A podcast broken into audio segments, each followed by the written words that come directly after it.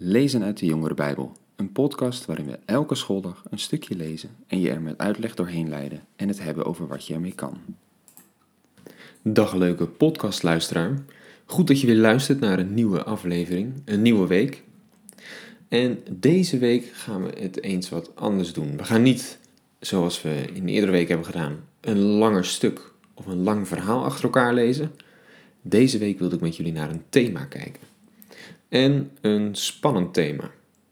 Meestal als ik aan jongeren vraag, wat vinden jullie eh, interessante onderwerpen om het over te hebben, dan komt er altijd wel iets van toekomst of eindtijd om de hoek kijken.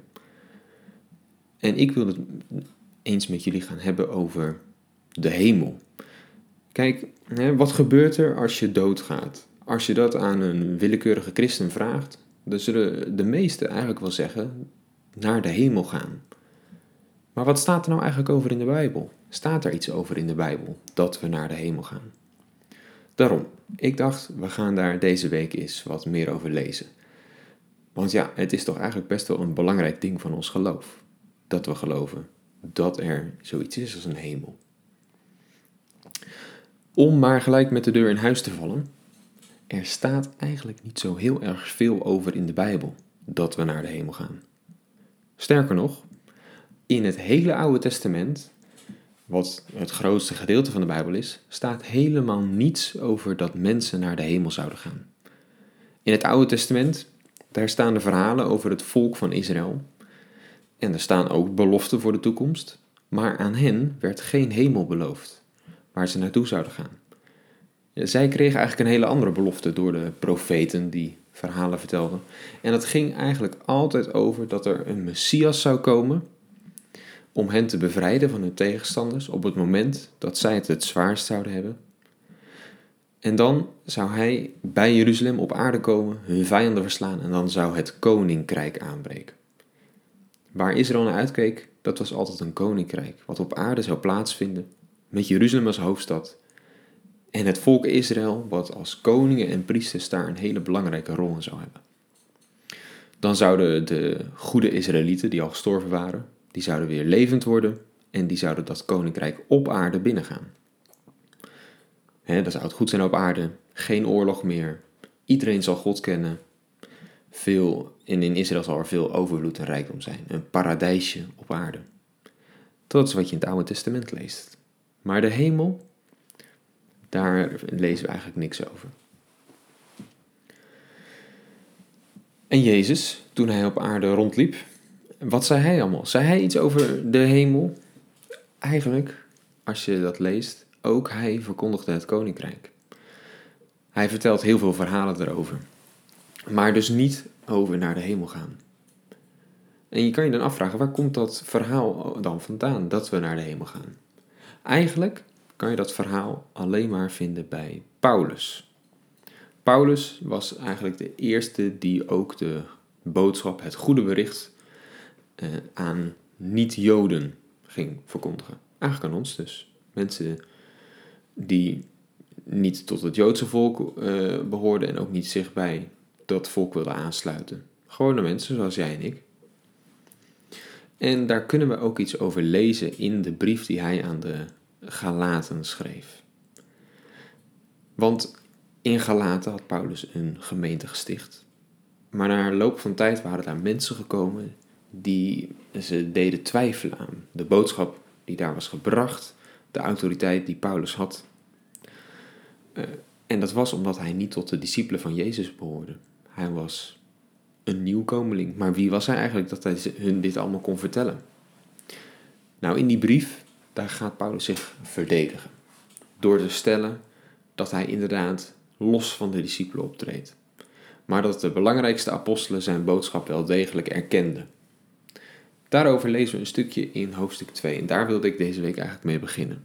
Om eerst maar eens te laten zien dat Paulus een andere boodschap had en dat hij dus ook daarmee iets anders verkondigde.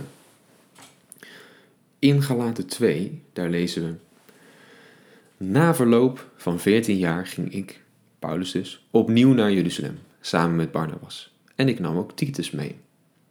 Ik ging erheen omdat mij dat in een openbaring was opgedragen. In besloten kring legde ik de belangrijkste broeders het evangelie voor, dat ik aan de heidense volken verkondig.